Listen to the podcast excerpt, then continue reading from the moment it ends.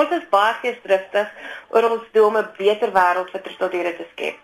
En as 'n wêreldwye leier in troeteldiersorg is neem ons werk te week 'n fantastiese geleentheid om ons passie vir troeteldiere te vier en om ons troeteldiersentriese kultuur tentoon te stel.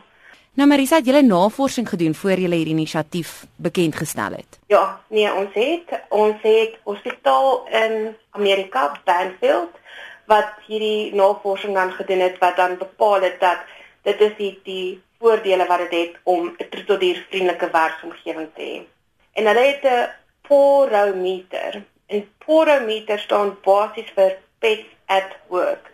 So hulle het 1000 van ons werkers geneem en 200 menslike hulpbronne bestuur besluitmakers gevat van verskillende maatskappye en oor verskillende industrieë hierso aan die begin van hierdie jaar in 2017.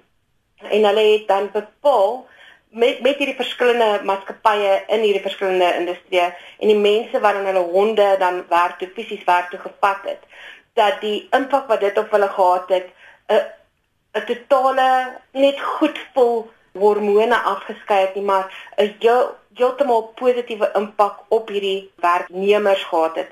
Hulle het gevind dat daar in 5 areas 'n algehele bevordering was oor hierdie troeteldiervriendelike omgewing.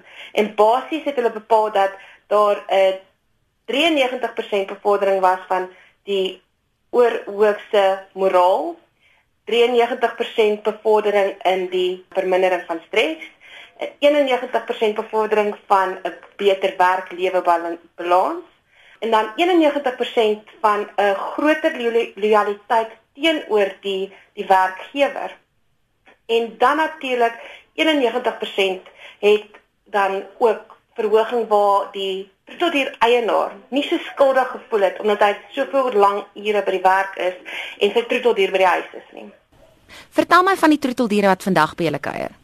Wel, ons het 'n reuse kruising tussen 'n Sharpei en 'n dink dit is 'n Rottweiler. Die hond se naam is Bambi en sy is net pragtig. Sagge aarde persoonlikheid. Haar grootte is stel regtig nie voor die persoonlikheid wat sy het nie.